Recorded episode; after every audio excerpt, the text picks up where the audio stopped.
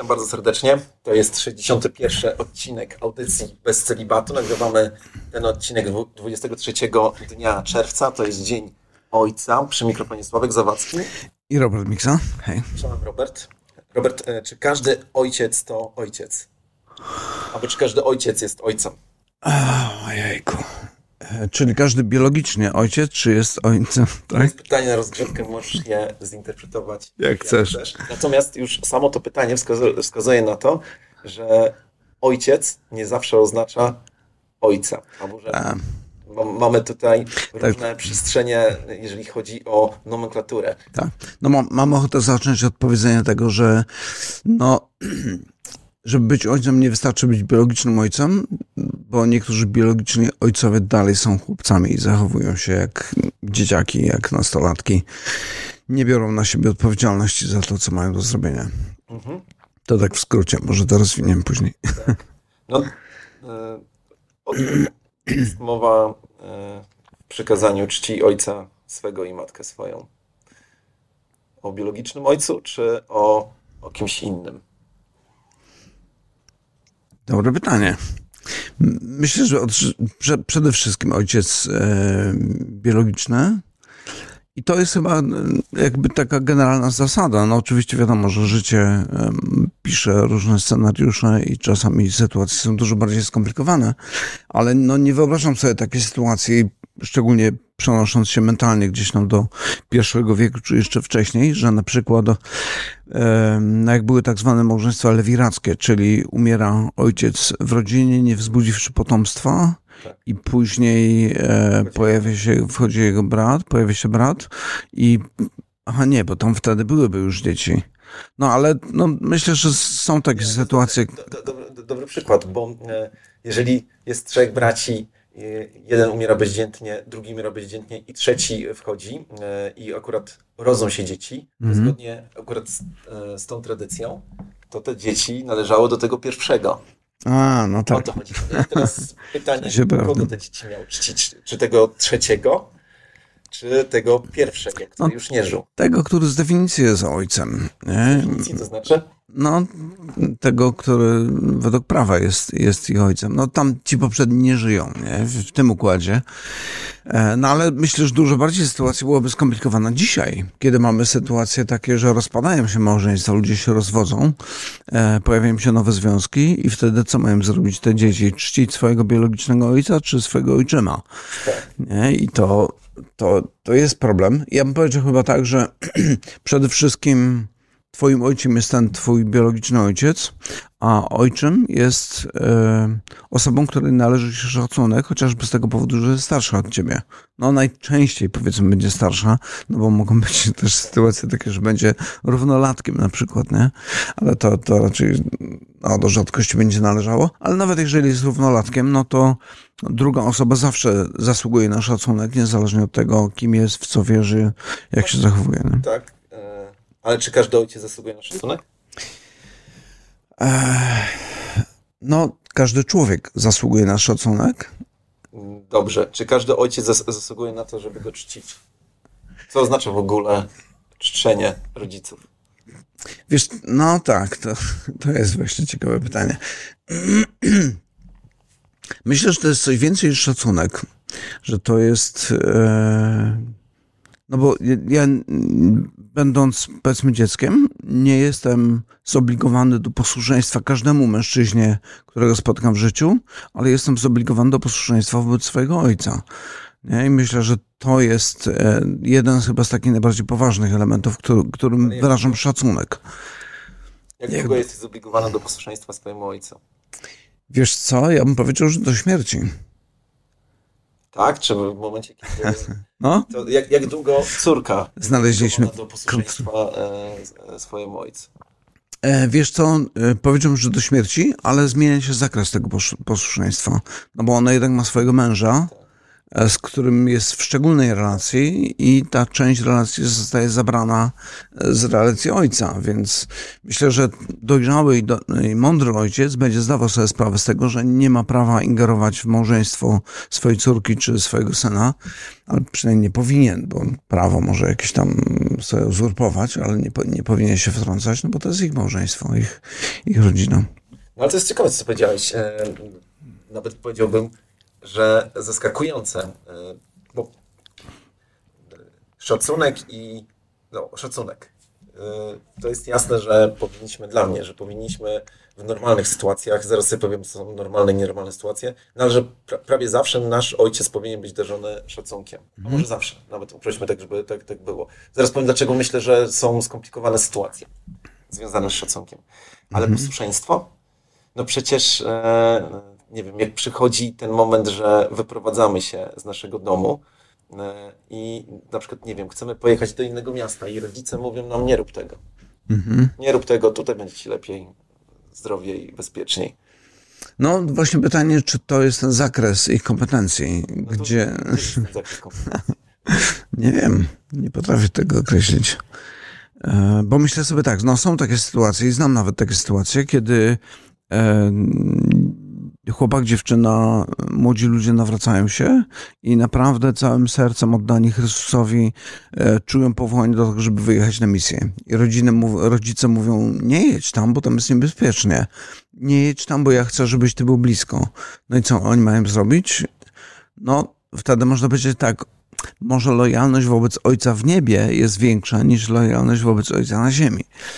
No bo, e, bo rzeczywiście w, w, tych społeczeństwach wschodnich, powiedzmy, szczególnie daleko wschodnich, ale blisko wschodnich też, no to ta lojalność wobec rodziny, szczególnie rodziców, jest szalenie silna do tego stopnia, że to powstrzymuje ich przed dobrymi rzeczami, które mog, mogłyby, mogliby podejmować, mogłyby podejmować takie, takie osoby. No, nie? Zobacz, e, dlaczego myślę, że czczenie rodziców to nie jest cało jakby posłuszeństwo przez całe życie, choćby dlatego, że wtedy, kiedy Jezus chodził po ziemi i nauczał, no to jest napisane, że przyszli jego bracia i jego matka, mhm. tak? Żeby go... E, no, pojmać nawet no, w pewnym momencie. No, mhm. Domyślamy się, że Jezus nie dał się pojmać. Mhm. E, więc z tym posłuszeństwem to mam tutaj wątpliwość. Natomiast właśnie szacunek, e, jakby w szacunku i w opiece dostrzegam e, e, właśnie mhm. cześć. I na, na, tak sobie myślę, że my przez jakiś czas naszego życia mamy być posłuszni naszym rodzicom, mhm. ale później mamy się tym, tymi rodzicami opiekować. E, to mhm. znaczy następuje zmiana trochę ról. No. no. i pytanie, czy oczywiście rodzice mają być na wtedy mhm. posłuszni? Myślę, że, że nie, ale dochodzi czasami do konfliktu pomiędzy tobą, a na przykład twoją mamą albo twoim ojcem, choćby wtedy, kiedy już twoi rodzice albo moi są w podeszłym wieku, mhm. trzeba podjąć decyzję o leczeniu albo mhm. operacji. No tak. Albo o czymś. No i, tak. E, no i tutaj... Wiesz co, teraz pomyślałem sobie, że chyba słowo posłuszeństwo to nie jest to słowo, o które mi chodziło, bo myślałem sobie o takich sytuacjach, że e, ten szacunek to jest coś więcej niż tylko e, no, takie serdeczne witanie się z rodzicami i mówienie o nich z godnością, ale też branie pod uwagę tego, co się dzieje w ich życiu, ich potrzeb. E, I to już chyba, no właśnie, bo to nie jest kwestia posłuszeństwa. Kiedy widzę moich rodziców w potrzebie, to nawet nie czekam, aż oni poproszą mnie o pomoc, tylko jako pierwszy wychodzę z tą pomocą, nie? E, kiedy widzę, że moi rodzice bardzo chcieliby, nie wiem, pojechać gdzieś tam, ale nie stać ich, ponieważ są w gorszej sytuacji finansowej niż ja, no to robię wszystko, żeby na przykład dogadać się z rodzeństwem, zebrać pieniądze i umożliwić im taki wyjazd. I to właśnie nie, no tu masz rację, że to nie byłoby w kategorii posłuszeństwa, ale to jest chyba tak, wsparcie, no coś więcej niż tylko szacunek okazywany słowami, nie? Dobra, e, wracam do tego wątku, czy każdy ojciec zasługuje na szacunek. No mm. Wszyscy znamy tę historię, kiedy ojciec porzucił swoje dzieci, albo okazał się, e, nie zdał tego egzaminu, mm, e, czy był nielojalny wobec e, mamy swoich dzieci. No, du dużo takich sytuacji znamy. Czy zasługuje wtedy na szacunek i na cześć? Oj, wiesz co? Powiedziałem tak, że sam fakt, że w ogóle zadajemy to pytanie, jest chyba takim sygnałem, że coś niedobrego dzieje się z mężczyznami, którzy dorastają i okazuje się, że z jakiegoś powodu, i to właśnie ciekawe z jakiego powodu, nie potrafią być mężczyznami. Z jednej strony może brakuje wzorców, a z drugiej strony może też jest tak, że nasza kultura narzuca jakieś wzorce, które odciągają ich od tego prawdziwego wzorca męskości. Um, Wiesz, ile jest samobójstw wśród mężczyzn w stosunku do kobiet? No chyba cztero albo pięciokrotnie więcej. Tak, mniej więcej. Cztery, cztery, w, w, Polsce jest w ogóle masakra, bo jest powyżej 80%. To są mężczyźni. w Stanach to jest troszeczkę poniżej. To wynika z tego, że mężczyźni potrafimy sobie radzić ze stresem krótkotrwałym, ale nie długotrwałym. Dlatego w konfliktach pomiędzy mężczyzną a kobietą, a u kobiet jest odwrotnie, E, dlatego w konfliktach między mężczyzną a kobietą e, najczęściej kobiety krzyczą. Facet siedzi cicho, bo potrafi sobie z tym poradzić. Kobieta nie. Nie, ja myślę, myślę, że tak nie jest. Psychologicznie i tak dalej. Myślę, że tak nie e, jest. Natomiast kobieta radzi sobie ze stresem długotrwałym. Bardzo mhm. lepiej, dobrze. Mężczyźni sobie z tym nie radzą i dlatego decydują się na samobójstwo. Kiedyś, e, uwaga, mówię, nie z Nie, nie, nie zgadzam się z tym. Nie, zgadzam się. Artykuł e, na Onecie. Więc... Wyobraź sobie mężczyzn na wojnie, albo wyobraź sobie kobiety na wojnie. Wojnie, która trwa rok, która trwa dwa lata. No to wyobrażam sobie, że mężczyźni przetrwają, kobiety będą miały problem z tym. One dużo szybciej się rozpadną. Emocjonalnie. Nie, nie wiem. Myślę, że na, na wojnie emocjonalnie rozbici są i mężczyźni i kobiety. Natomiast to, że mężczyzna decyduje się na samobójstwo e, częściej niż kobieta, wynika z tego, że zgodnie z moją wiedzą jeszcze raz, ale nawet jakimś przekonaniem, że gorzej radzimy sobie z długotrwałym napięciem. Ja mam wrażenie, że jest trochę, problem jest głębszy. To znaczy, mam wrażenie, że mamy w, ogóle do czynienia z kryzysem męskości i współczesna kultura e, kastruje mężczyzn. Nie pozwala im być mężczyznami, nie pozwala im być e, użyję takiego słowa w tytule książki jakieś tam widziałem, dzikimi, e, bo mają się zachować grzecznie, jak dziewczynki. I później nawet słyszałem taką anegdotę, jak jakieś dziecko, jakieś dziecko w przedszkolu zapytano, kim chciałby być, jak dorośnie. Mówi, że chciał być prawdziwym mężczyzną, jak mama. Nie? I myślę, że to, no nie wiem, czy ta anegdota jest prawdziwa, ale ona pokazuje problem, który mamy w naszej kulturze, że no właśnie kastrujemy mężczyzn, ka każemy chłopcom już od podstawówki zachowywać się jak dziewczynki, mają być grzecznie, yy, posłuszni, wykonywać polecenia, nie ruszać się w ławce, siedzieć bezpiecznie. I Potem idą do szkoły średniej, znaczy do podstawówki, potem do średniej, potem idą na studia i się dowiadują, że tak naprawdę w ogóle nie ma różnicy między mężczyzną a kobietą, że wszystko jest płynne. To zależy, co sobie wkręciłeś do głowy, to jesteś albo jednym, albo drugim. I później taki facet ma dziecko i on sam nie bardzo wie, jak on ma się zachowywać. I pytanie, gdzie są wzorce męskości? I zobacz, ciekawą rzecz, jak spojrzymy na Biblię i patrzymy na człowieka, który jest największym bohaterem wiary, czyli Abraham, to co znaczy jego imię? Ojciec wielu narodów. Tak, no I ciekawe, że, że Pan Bóg, kiedy go powołuje, on, jego imię na początku było inne, było Avram, to oznaczyło e, ojciec wspaniałości albo wywyższenia, coś takiego. Później Bóg zmienia mu imię na ojciec wielu narodów, czyli jakby jego pierwszym powołaniem jest to, że masz być ojcem. Nie? I on tym ojcem jest. On bierze sprawy w swoje ręce, kiedy Bóg mówi mu, wyjdź z tego miasta, idź do miasta, które ci wskaże i tam się osiedlisz, to on tak robi. Nie? Jest odpowiedzialny za swoją rodzinę. E, oczywiście też jest grzesznikiem i też popełnia błędy. I co ciekawe, Biblia mówi o tych błędach, więc nie gloryfikuje go, nie ubiera go w jakieś takie święte... się żony. No tak, w pewnym momencie tam zakręcił trochę, bo no tam sprawa była bardziej skomplikowana, ale rzeczywiście zagrał pod siebie, można by powiedzieć, tak, nie? Więc słabo. bawić w politykę. Tak, ale zobacz, to nie powinno dać nam do myślenia, że e, ten największy bohater wiary od razu na początku Bóg mówi, ty będziesz ojcem ojcem wielu narodów. Nie? I później, kiedy mam, patrzę na historię Izraela, to oni ciągle powołują się na Abrahama. I ciągle mówią, Abraham nasz ojciec, Abraham nasz ojciec. I cały czas Abraham staje się takim wzorcem męskości. No i z tej nowotestamentowej perspektywy, to bym powiedział, że ten, ten obraz nam się zmienia albo udoskonala, ponieważ kiedy widzimy Chrystusa, no to widzimy go jako ideał męsk męskości Więc on jest mężczyzną, ale i teraz pojawia się pytanie, no dobra, no właśnie, co to znaczy być mężczyzną? I kiedy patrzę na Chrystusa, to przede wszystkim widzę go jako tego, który jest gotowy do poświęcenia.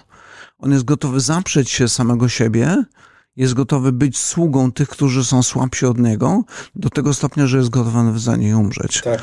On nawet y, potem w Ewangeliach, w Ewangelii Marek tak pisze, że on nie przyszedł po to, żeby mu służono, ale żeby służyć i oddać swoje życie na okup za wielu. No to, to są y, dobre wskazówki dla ojców. Natomiast problem dzisiaj polega y, na tym, że wielu ojców, tak jak słusznie zauważyłeś, nie zdaje egzaminu mhm. i dzieci mają, brakuje im instrukcji. Tak. No bo jeszcze raz, wracam w takim razie do pytania. Ja się zgadzam z tobą, nie, nie mamy wzorców e, męskości w tej chwili. -hmm. Nie mamy. Wracam do pytania, jak zachowywać ma się dziecko, które zostało skrzywdzone? E, Skrzyw albo porzucone, albo skrzywdzone przez swojego ojca.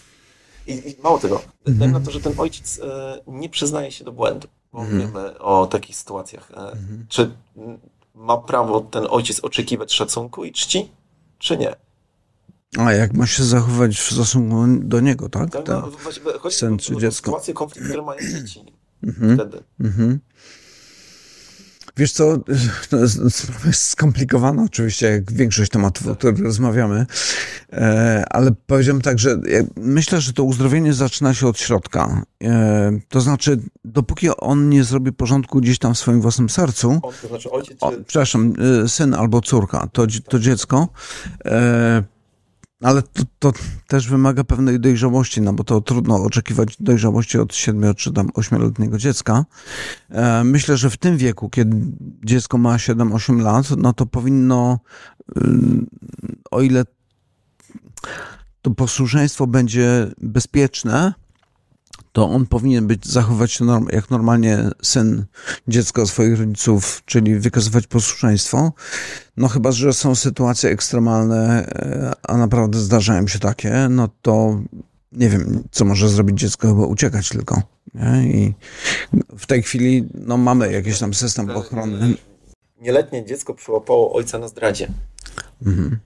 I ojciec powiedział, nikomu nie mów. Nikomu nie mów, nie mów mamie, ani nikomu z otoczenia. Co jest okazaniem czci. I wo wobec kogo też? Czy wobec mamy, czy wobec ojca? Co w takiej sytuacji ma zrobić? Tak, tak.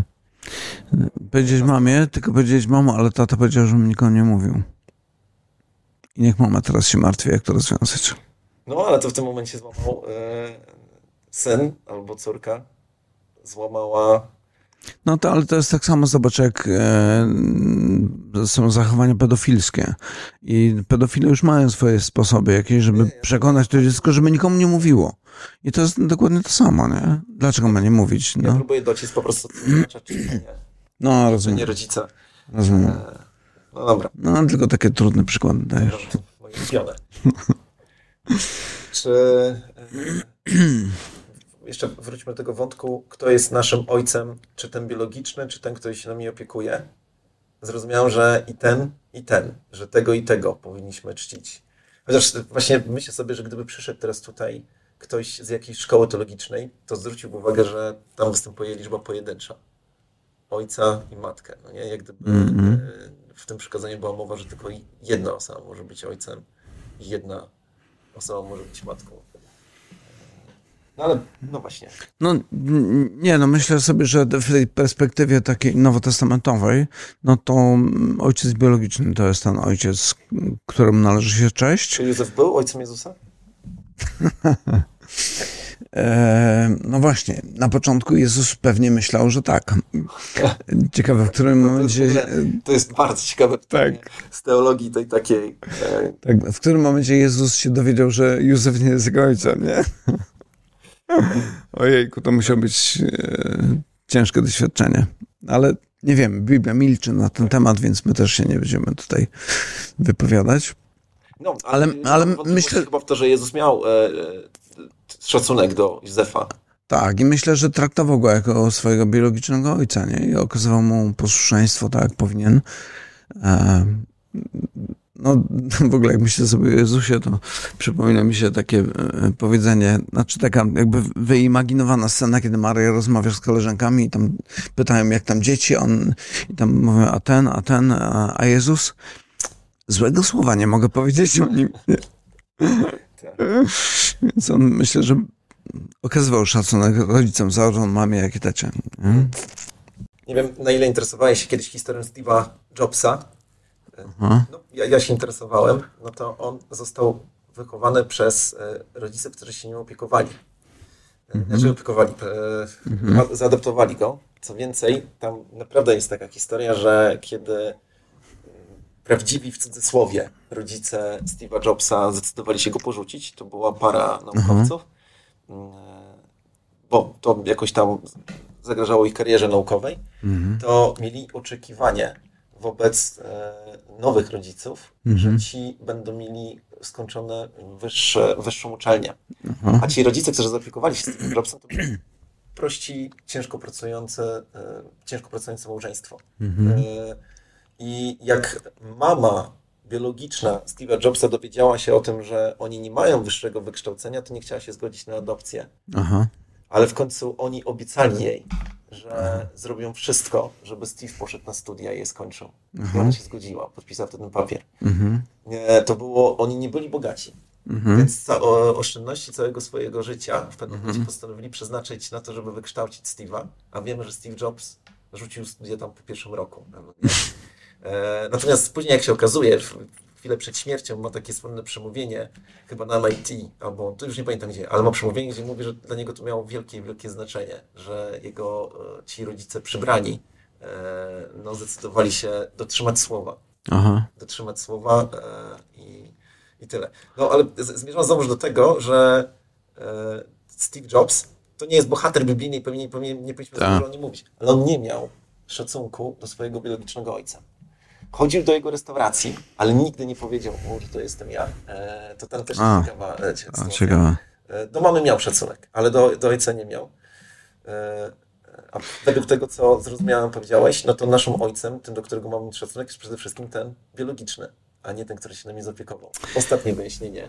Tak. I dorzucę jeszcze mhm. teraz do tego naszego ogródka wielki kamień, co w sytuacji, kiedy para homoseksualistów jest, e, e, opiekuje się jakimś dzieckiem. I robią to zgodnie, powiedzmy, jeden ojciec jest biologiczny, a drugi ojciec jest no, tym przybranym. To kogo ma czcić? Czy jeden i drugi może powiedzieć, że e, jestem twoim, należy mi się szacunek. Wiesz co, to, to, pytanie przypomina mi taką scenę, którą pamiętam ze Starego Testamentu. W pewnym momencie dwie kobiety zwróciły się do króla e, oblężonego miasta gdzie ludzie już umierali z głodu i mówią do niego, królu rozstrzygnij spór, ponieważ umówiłyśmy się z sąsiadką, że e, wczoraj zjemy jej syna, a dzisiaj mieliśmy zjeść, e, znaczy wczoraj zjedliśmy mojego syna, a dzisiaj mieliśmy zjeść jej syna i ona się nie, nie zgadza. I co ja mam zrobić? I król rozdarł swoje szaty i padł na twarz przed Bogiem i zaczął wołać o ratunek. Jest, dajmy to, że jest chrześcijańskim, e, ktoś się nawraca. Tak. Ma dwóch ojców. Mhm. Jaką instrukcję mu dajemy? E, wiesz co, no właśnie, bo do, do tego chciałem dojść w którymś momencie, bo zobacz, że apostoł Paweł w liście do Efezjan na przykład mówi coś takiego, że wszelkie ojcostwo ma swoje źródło w Bogu, że On jest naszym ojcem. I myślę sobie, że e, chyba taki prawdziwy porządek gdzieś tam w sercu, z którego później wypływa całe nasze życie, zaczyna się od uporządkowania naszej relacji z Bogiem. I bym powiedział tak, że no bo od niego później ta idea ojcostwa pochodzi i powiedziałbym tak, że kurczę, człowiek potrzebuje najpierw uporządkować swoją relację z Bogiem i w momencie, kiedy Bóg jest Patrz, no nawet nie wiem, jak to powiedzieć, bo przychodzi mi też do głowy ten, ten tekst, gdzie jest powiedziane w którymś psalmie, że Bóg jest ojcem sierot również. Więc wyobrażam sobie taką sytuację, że On jest również ojcem tych, którzy są, mają zniszczoną rodzinę, albo ich ojcowie biologiczni są pomyłką, mówiąc w du dużym uproszczeniu w skrócie, no to myślę, że oni znajdują takie pocieszenie, e, znajdują tego wobec którego, czy od którego chcą otrzymywać pochwały w swoim Bogu, e, znaczy w Bogu. I myślę sobie, że to gdzieś musi zacząć się tam. Następnym krokiem jest przebaczenie wobec tego biologicznego ojca, który mnie skrzywdził, który skrzywdził nie tylko mnie, ale również moją mamę, no bo każdy jakąś mamę ma jednak. I ten proces leczenia tych, tych relacji, myślę, że musi zacząć się od uzdrowienia tej relacji pionowej z Bogiem Ojcem. Bez tego strasznie trudno. Ja nie potrafię sobie wyobrazić, jak człowiek, który.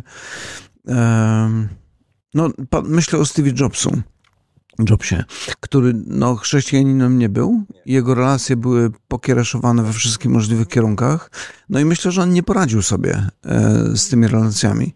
Ale e, znam historię ludzi, którzy też pochodzili z bardzo rozbitych środowisk, ale ponieważ naprawili swoją relację z Bogiem, dzięki przebaczeniu, które nauczyli się, które otrzymali od Boga przez Chrystusa, nauczyli się przebaczyć swojemu ojcu, ta relacja zaczynała się stopniowo uzdrawiać, ponieważ stosunek tego dziecka do tego ojca zaczął się zmieniać.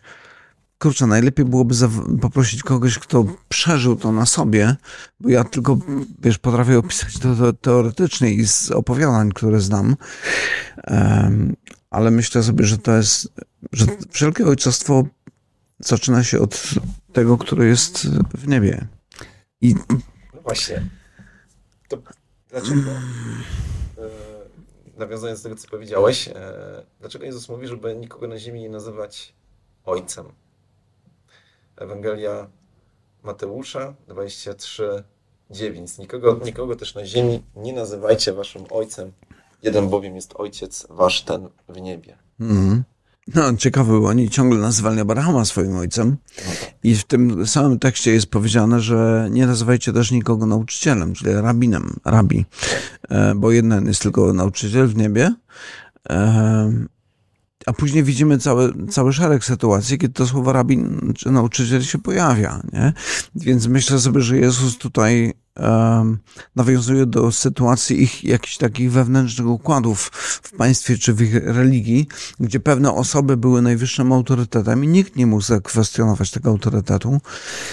I niezależnie od tego, czy był nazywany rabinem czy, czy ojcem, to no to jest chyba bardzo charakterystyczne dla tych wschodnich kultur, że jeżeli ojciec tak powie, to jest tak i amen i koniec, to jest nieodwołalne. Po prostu jak każe ci skoczyć z mostu, to skaczesz i nie ma dyskusji. I wydaje mi się, że Jezus pokazuje nie, on musicie się odciąć od tego, ponieważ Bóg ostatecznie jest tym ostatecznie On jest tym ojcem, On jest tym nauczycielem, od którego styl waszego życia i mądrość waszego życia powinna pochodzić. No tutaj e, kontekst e, tej wypowiedzi Jezusa e, mówi o, o zasiadaniu w pierwszych miejscach, o publiczną manifestację tego, kim jesteśmy. No i Jezus jak gdyby mówi, e, największy z was nie będzie waszym sługą, no nie? Aha. Między innymi. I tak, mhm.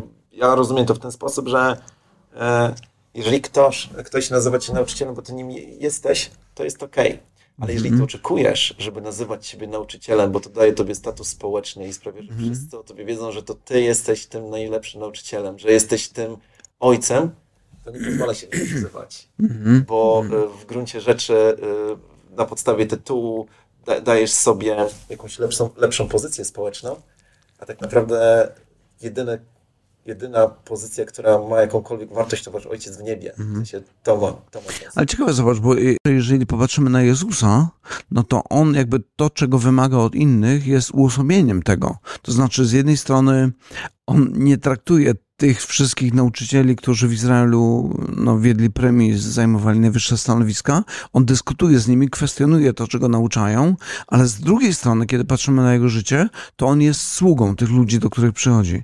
I on pozwala nawet, żeby go zabito chociaż ma moc, żeby się wyrwać z ich rąk. Więc on z jednej strony jest uosobieniem tego e, uniżenia, tego, tej prawdziwej męskości, kiedy ja wiem, że jestem silny, ja wiem, że nawet jestem niebezpieczny, bo no, mamy tą sytuację w świątyni, kiedy Jezus zachowuje się tak dość agresywnie, zdecydowanie. Tak, stanowczo bardzo. Kiedy dochodzi do ukrzyżowania, wiemy, że on mówi, no mógłbym poprosić ojca, żeby przysłał legion aniołów i byłoby po sprawie, ale tego nie robi, ponieważ wie, że to, co jest potrzebne, to uniżenie, jakby zrezygnowanie ze swojego prawa, ale on jest, w, on cały czas pozostaje silny. I myślę sobie, że um, oni nawet się go bali kiedy, kiedy patrzymy na to, co robią, e, jak knują za jego plecami, to boją się, że znowu kogoś uzdrowi, albo nie daj Boże jeszcze wzbudzi z martwych, a jak już wzbudził z martwych, to mówią, słuchajcie, musimy zabić już nie tylko Jezusa, ale jeszcze musimy zabić Łazarza, więc to naprawdę była no, takie siłowanie się trochę, ale Jezus był z jednej strony silny, był mężczyzną, potrafił się sprzeciwstawić, ale z drugiej strony był sługą. No i też potrafił się z trzeciej strony, jeżeli tak mogę powiedzieć, wzruszyć. No tak. Coś, czego dzisiaj tak. się zabrania e, mężczyznom. Czy kiedyś? O właśnie, kiedyś się zabraniało, bo dzisiaj chyba się w drugą stronę idzie. Tak naprawdę. No, ciekawe, ciekawe. Mm.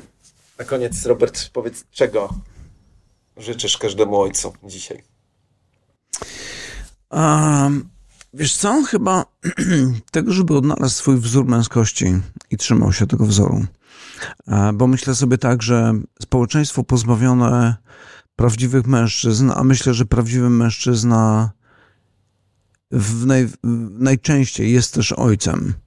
E, I społeczeństwo pozbawione prawdziwych ojców i prawdziwych mężczyzn, takich ojców, którzy naprawdę potrafią odróżniać między dobrem i złem i potrafią o to walczyć, potrafią walczyć w świecie, który jest e, przeniknięty grzechem, i tak jak Pan Bóg mówi do Abrahama, do, przepraszam, do Adama, kiedy wypędza ich z raju, mówi ziemia osty i cierni będzie ci rodziła, ale ty w pocie czoła będziesz pracował, to chciałbym życzyć e, już chyba nawet nie tylko ojcom, ale nawet e, całemu naszemu społeczeństwu, żebyśmy mieli takich ojców, którzy potrafią w pocie czoła pracować dla swojej rodziny, a jednocześnie pracując ten sposób dla swojej szerszej jakiejś tam społeczności.